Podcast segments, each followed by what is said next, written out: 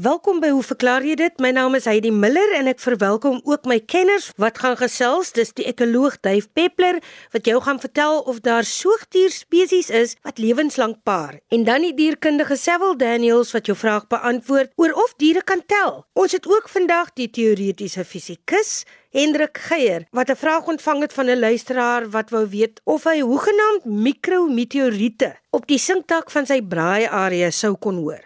Jy kan hierdie program gaan aflaai in die MP3 formaat indien jy weer daarna wil luister by ons webtuiste rsg.co.za onder potgooi. Ons gee eers gou die geleentheid aan Hendrik Geier om die brief van Dani Kreer van Dispatch te beantwoord. Dani skryf: Ek sal graag die span se kommentaar wil hoor oor die volgende. My braai area het 'n sinkdak, so elke nou en dan hoor ek iets soos 'n klippie wat op die plate val, soms skaars hoorbaar en soms heelwat harder. Ek het 'n bietjie navorsing gedoen en tot my verbasing ontdek dat dit baie klein stukkies meteoriete is uit die buitenste ruimte. Hierdie mikrometeoriete is blykbaar redelik algemeen en val in 'n jaar se tyd gemiddeld 1 op elke vierkante meter van die aarde. Kan die span asseblief verder verduidelik? Oor na jou Hendrik. Goeiedag Heidi. Uh, dag sê luisteraars. Uh, Dani sê ongelukkig nie wat sy uh, navorsing behels het nie. Ek neem aan dit kon wees dat hy gelees het oor die onderwerp van mikrometeoriete of dat hy uh, die goedjies op sy uh, sinkdak probeer opspoor het.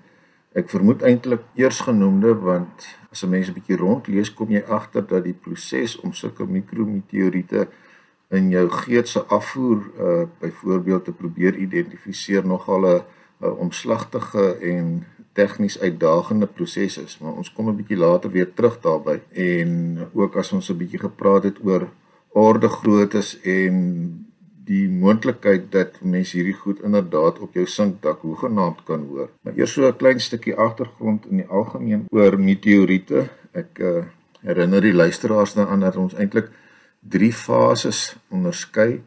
Ons praat van meteoroïde. Uh, dit wil sê die rots en stofdeeltjies wat in 'n wentelbaan om die son is en wat tipies oorblyfsels is van vroeë komete en asteroïde uh, wat uh, om die son 'n uh, draai gemaak het. Uh, soos wat die aarde in sy eie wentelbaan om die son jaarliks uh, roteer, gebeur dit dat ons uh, tot 'n groter mate blootgestel word deur as dit ware deur die sulke meteoroïde wolke deur te beweeg en in daardie geval is daar sommige van hierdie meteoroïde wat uiteindelik onder die invloed van die aarde se eie swaartekrag die atmosfeer binnendring. Ons sien dit tipies as die ligflitsse wat mense van tyd tot tyd waargeneem het. Uh, in daardie stadium praat ons van 'n meteoor en as so 'n meteoor sy vurige reis na die aardoppervlak oorleef want teen die spoed waarteen hulle inkom en uiteindelik dan met die wrywing van die atmosfeer die lug in aanmerking geneem baie warm word en tipies smelt en meestal uh sodanig verbrokkel dat niks op die op die aardoppervlak beland het nie. Maar die wat uiteindelik wel die aardoppervlak bereik staan bekend as meteoriete en hulle wissel natuurlik in grootte. Uh, die bekende Huba meteoriet naby Grootfontein in Namibië is die grootste bekende meteoriet wat op aarde in sy geheel gevind is. Oorspronklik was hierdie 2,7 by 2,7 by omtrent 0,9 meter amper 'n soliede stuk yster van die orde van omtrent 66 ton met tyd verwering mense wat stukkies afgekap het en groter dele wat in museums oor die wêreld beland het, word geraam dat hy nou omtrent 60 ton weeg. Een van die bekendste groot meteoriete is natuurlik die een wat in die Golf van Mexiko by Chicxulub geassosieer is met die uh, uitwissing van die dinosourus. Dit was na raming.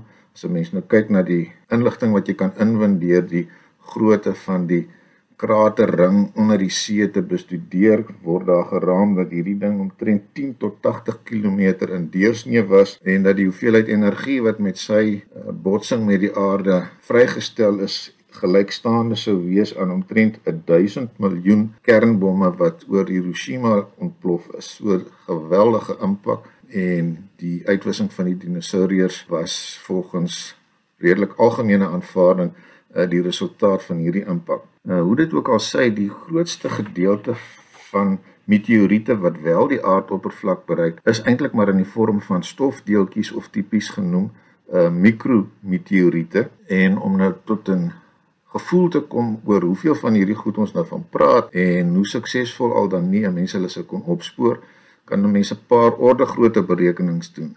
Uh luisteraars wat onlangs ingeskakel het by hoe verklaar jy dit sal onthou dat ek uh, redelik breedvoerig oor hierdie kwessie van orde grootte berekening gepraat het waar 'n mens met syfers werk wat nie absoluut akkuraat beskikbaar en bekend is nie maar wat jou ten minste in staat stel om 'n afskatting te maak van wat jy ook al wil probeer bereken. As 'n mens probeer uitvind hoeveel van hierdie mikrometeoriete die aardoppervlak per jaar of per dag bereik, dan kry jy mens nogal verskeidenheid van tipes inligting maar min of meer kom dit daarop neer of is 'n tipiese syfer wat 'n mens in die verband sien is dat daar omtrent 10000 ton jaarliks van hierdie mikrometeoriete uiteindelik die aardoppervlak bereik. Nou dit klink na 'n groot uh, syfer, maar as 'n mens nommer 1 dit eers bereken per dag, vind jy uit dis omtrent uh, 275 ton per dag.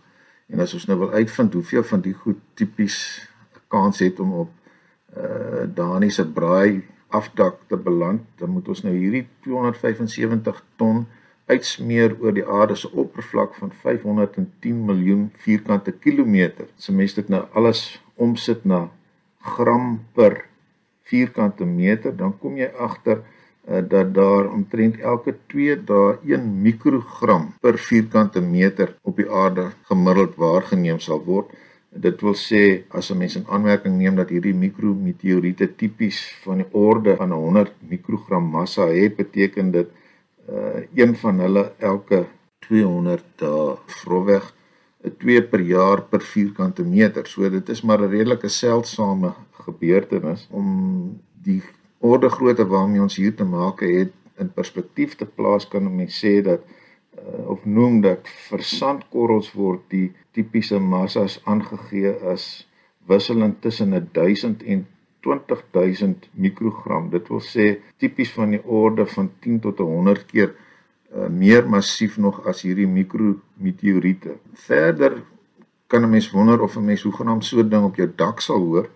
Nou snaaks genoeg kon ek nie regtig ander inligting kry hieroor as die inligting dat die tipiese spoed waarmee hierdie mikrometeoriete die aarde se atmosfeer binnendring is omtrent uh, 10 km per sekonde, maar nou moet 'n mens natuurlik nie dink dat dit die spoed is waarmee uh, so 'n mikrometeoriet uh, die aardoppervlak of 'n of 'n sinkdak uh, in die besonder sal tref nie, want hy moet deur die atmosfeer beweeg en enige voorwerp wat onder die invloed van gravitasie deur lug of 'n vloeistof beweeg, bereik 'n sogenaamde eindspoed. Dit wil sê wanneer die wrywingskragte as gevolg van die feit dat dit deur so 'n medium beweeg uiteindelik so groot is as wat die gravitasiekrag self is op daardie stadium begin so 'n voorwerp teen 'n konstante spoed val. Dit is wat 'n mens die eindspoed of die terminale spoed sou noem.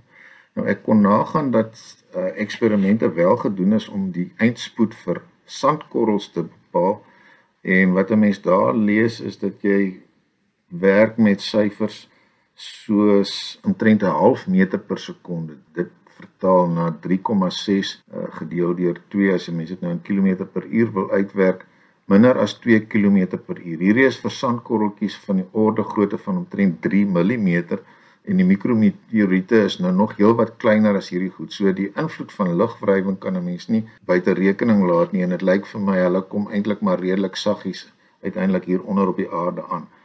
So met dit alles in aanmerking genome, uh, Dani, dink ek dat wat jy daar op jou dak hoor heel waarskynlik iets anders is as die mikrometeoriete en dit bring my, my nou vinnig by 'n tweede deel van die storie, naamlik diegene wat wel suksesvol hierdie goed uiteindelik kon opspoor. Daai verhaal is 'n relatief onlangse een of die suksesverhaal is 'n relatief onlangse een uh, wat gekoppel word aan die naam van 'n Noorweer met die naam van John Larsen wat in 2017 'n boek oor hierdie hele uh, stuk geskiedenis van hom geskryf het. Uh, die titel is In Search of Stardust: Amazing Micrometeorites and Their Terrestrial Imposters.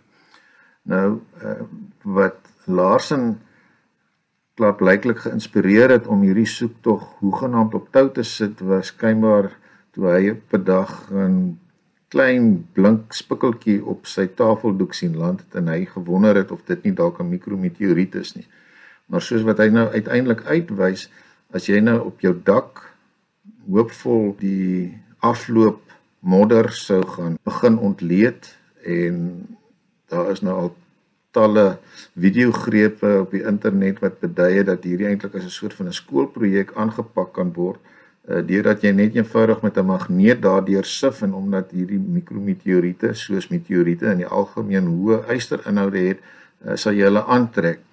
Maar dan die kinkel in die kabel, die feit dat die meeste van die deeltjies wat jy op hierdie manier identifiseer eintlik maar afkomstig is van menslike prosesse, tipies klein, fyn ysterdeeltjies wat deur industriële prosesse geproduseer word. So om uiteindelik uit hierdie duisternis van moontlikhede iets te identifiseer wat jy met sekerheid 'n mikrometeoriet kan noem is 'n lang uh, en ingewikkelde tog wat hy aangepak het en uiteindelik met behulp van fisici wat hom gehelp het met elektronmikroskoop analises van hierdie goed. Uiteindelik kon hy hulle op dië manier identifiseer en met sekerheid uitwys as mikrometeoriete. So Dani, uh, dankie vir 'n interessante waarneming. My raaiskoot is of my slotsom is dat jy waarskynlik iets anders op jou sinkdak hoor. Ek dink nie mikrometeoriete uh, laat 'n noemenswaardige geluid nie en die frekwensie waarmee hulle jou dak tref is in elk geval besonder laag soos wat jy ook self genoem het uh nietemin om hierdie hele stuk geskiedenis na te lees en die uh, deursettingsvermoë van John Larson uh te besef is nogal 'n merkwaardige storie op sy eie. So baie dankie vir 'n interessante waarneming, vir 'n interessante vraag en met wie weet dalk word jy 'n suksesvolle mikrometeorietjagter. Dankie aan Hendrik Geier wat die vraag van Dani Kreer van Dispatch beantwoord het. Goeiemôre, ek is Heidi Miller. Ons gee nou kans aan Dave Peppler om 'n vraag te beantwoord wat per e-pos ingestuur is deur Mossie Bason. Mossie wil die volgende weet: Is daar in die soogdier spesies enige voorbeelde van 'n manlike en vroulike individu wat lewenslank paar? Ek groet uit my studeerkamer en sê dag aan Heidi, my kollegas en aan ons luisteraars. Eenvoudige vraag, komplekse antwoord.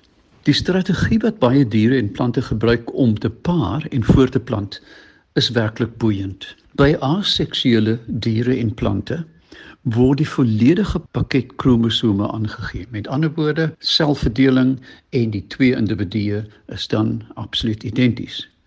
Maar by diploïde seksuele reproduksie, alhoewel hulle twee kopieë van die kromosome het, word slegs een kopie aangegee. Dit wil sê slegs 50% van die totale gene gaan dan na die nageslag.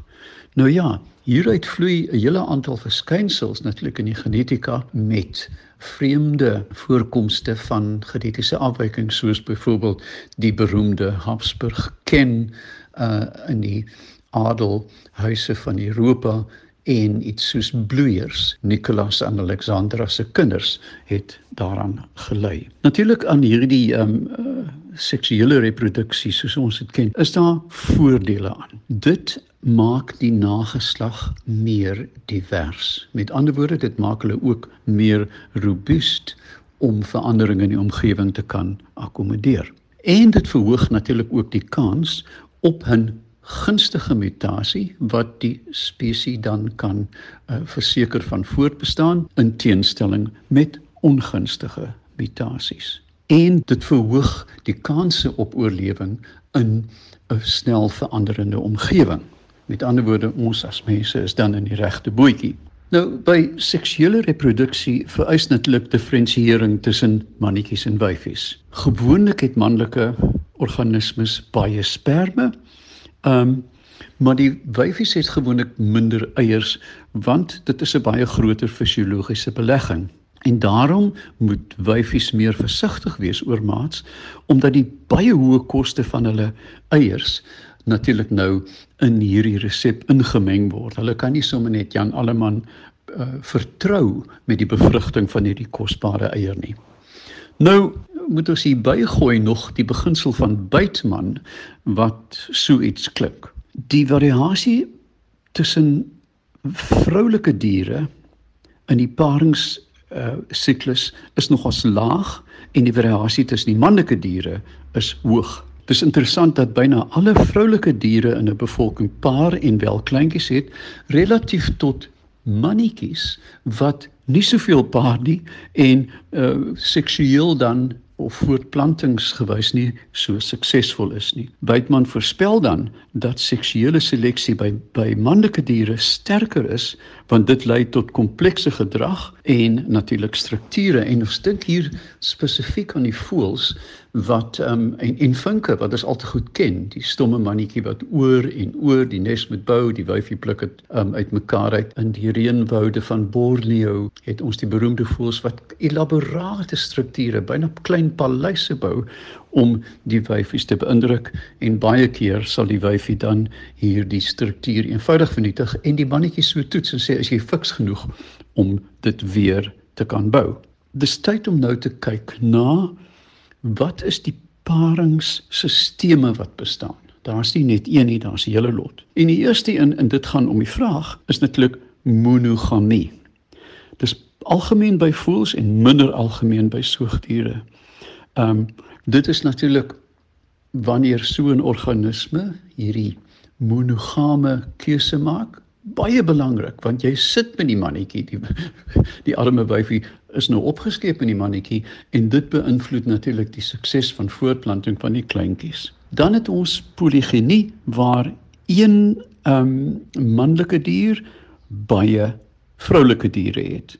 En ons vind dit veral by primate. Ek het uh, self redelik ondervinding van die berggorilla waar die sogenaamde silwerig, die silverback parings voorkeur het binne die groep alhoewel daar jonger sogenaamde blackbacks, ehm um, jong manlike diere is wat nog die silverback status bereik het nie. En tog baie interessant is daar variasies op hierdie ehm um, uh op hierdie paringsstrategie waar 'n ehm um, 'n ou silverback mannetjie aangehou word in die groep om meer wyfies te lok. Ehm um, hy word verduur, hy mag glad nie pa nie, die kinders speel met hom, maar hy's daar eintlik meer as 'n lokvink. Dan het ons hulpbronbeskerming poligenie. Dit is 'n aantal of 'n groep van vroulike diere wat aangetrokke is tot 'n hulpbron. En die manlike diere stoei dan uh vir besit van hierdie hulpbron. Dan het ons harems weer 'n groep vroulike diere wat deur slegs een manlike dier beskerm word en ons sien dit veral by baie bok spesies. Dan die baie vreemde lekstelsel.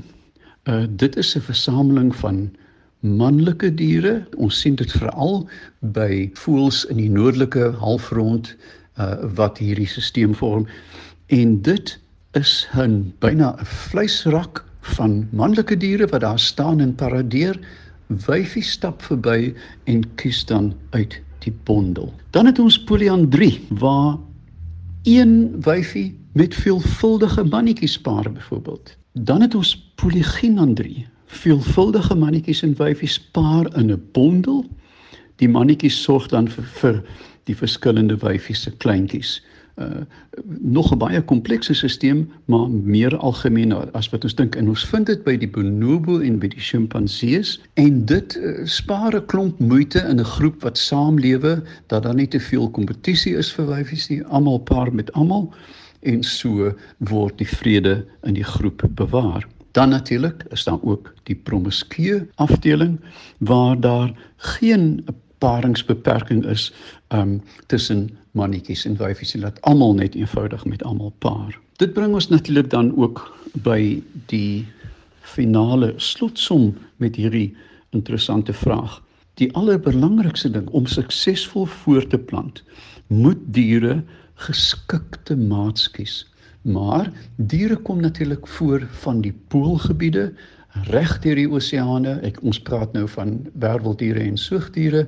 Um uh woestyne, reënwoude en al hierdie omgewings het verskillende uitdagings um vir ouers om 'n kleintjie groot te maak. So om dan finaal by die antwoord uit te kom watter diere, soogdiere paar lewenslank en dan vind ons vreemd genoeg die dik dik, daai minuskule klein bokkie van Namibië uh baie van julle het hom al gesien so groot soos 'n klein Yorkshire terrier, 'n klein bokkie, hulle paar verlewe. Die gibbon um is 'n 'n swaai aap uit die trope, stadige ape wat ook 'n leeftyd lank paar. Wolwe vreemd genoeg 'n mannetjie uh, of 'n reën en 'n teef sal dan 'n familiegroep by hulle hou wat saam jag en leef en soos die diere dan volwasse word, sal hulle uitbeweeg en by ander groepe aansluit en dan die bewers, uh daardie vreemde diere wat damme bou in noordelike riviere. Om op te som, die keuses en die moontlikhede vir paring by diere is legio en alles word gedryf deur die hulpbronne tot hulle beskikking en waar hulle lewe. En dan is hier die hemelsbreë keuse voor hulle. Ongelukkig kan ons dit nie by uitpak by die mens nie, alhoewel die algemene ehm um, tendens is om lewenslank by 'n maat te bly, weet ons almal van skelmstreke, spermkompetisie, uh knypies in die donker ensovoorts. So gelukkig kon ek hierdie vraag beperk tot die diereryk. Baie dankie aan Dave Peppler. Sewil Daniel se vraag is van Louise Robenheimer wat skryf dat sy groot geword het op Piketberg en na die storie geloop het dat Bobbejaan net tot 2 kan tel. Kan diere tel vra sy en indien wel tot hoe ver? Goeiemôre paneellede, goeiemôre aan die luisteraars. Louise, hierdie is 'n baie interessante vraag, nes al die ander vrae. Ek dink baie keer dink 'n mens dis 'n eenvoudige vraag. Ehm um, maar eenvoudige vrae het nie noodwendig eenvoudige antwoorde nie.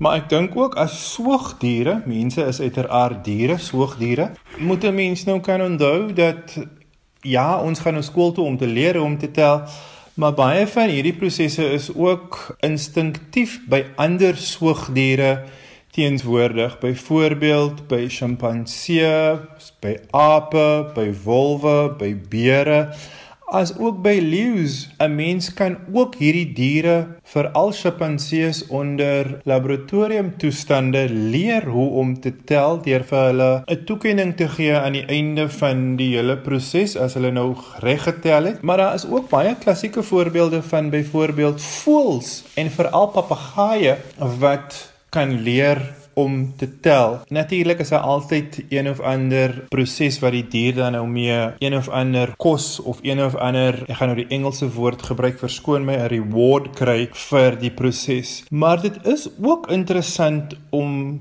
daarop te let dat wetenskaplikes ook bevind het dat sosiale insekte soos byvoorbeeld bye hulle kan ook tel en dit word beweer dat hulle net tot by 4 kan tel. En as 'n mens daaraan dink byvoorbeeld wanneer die by uit die nes uit vlieg om by 'n sekere plek te kom, moet hy die boodskap kan terugbring na die nes toe om te sê hoe ver die voedselbron van die nes af is. Derhalwe moet hy op die dans wat hy dan nou uitoefen daar vir die ander in die kolonie moet hulle kan sê en weet hoe ver hulle moet vlieg om tot by die voedselbron uit te kom. Ek let ook op dat in die literatuur sê hulle byvoorbeeld visse kan ook tot 'n mate tel en hulle dit uitgevind deur eksperimentele werk met guppies te doen. En by hierdie het hulle daarop gelet dat die guppies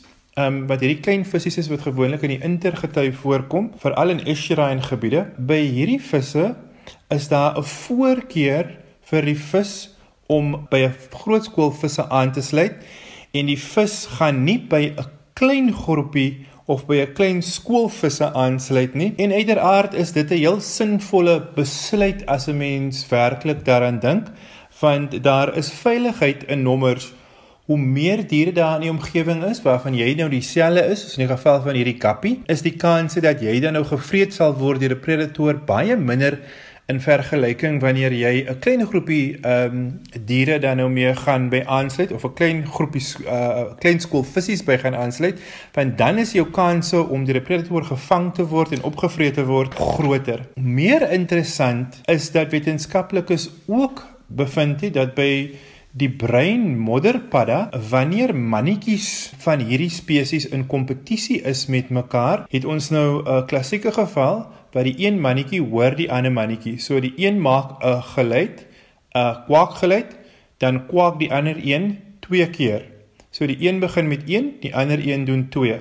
Dan hoor die ander mannetjie wat nou naby is, hy maak dan 3 geluide, en 4 geluide en 5 geluide. En so kompeteer hulle met mekaar.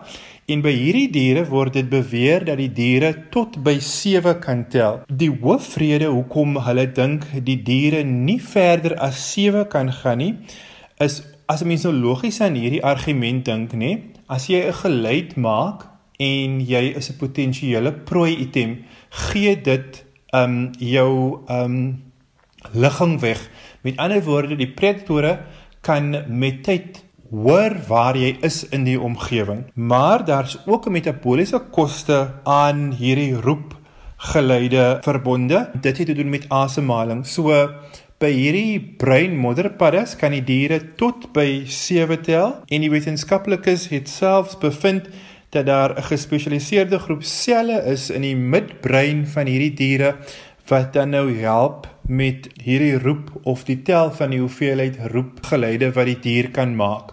So ja, diere kan wel tel, nie so hoog soos wat soogdiere of mense dan nou liewer sal sou kon tel nie, maar hulle het ook die vermoë ongeag van die feit dat hulle nou nie die skool bywoon nie. Ek hoop ek het tot 'n mate jou vraag um, vanoggend beantwoord. Baie dankie aan Sewil Daniels. Ons sê ook dankie aan Dave Peppler en Hendrik Geier wat vandag jou vrae beantwoord het. Jy kan jou vrae stuur by die by rsg.co.za of skryf aan hoe verklaar jy dit posbus 2551 Kaapstad 8000. Aanstaande Sondag hoor ons wat die herpatoloog Lefras Mouton sê oor 'n koei wat melk geproduseer het sonder dat sy gekalf het. Nou ja, tot dan, geniet jou Sondagmiddag.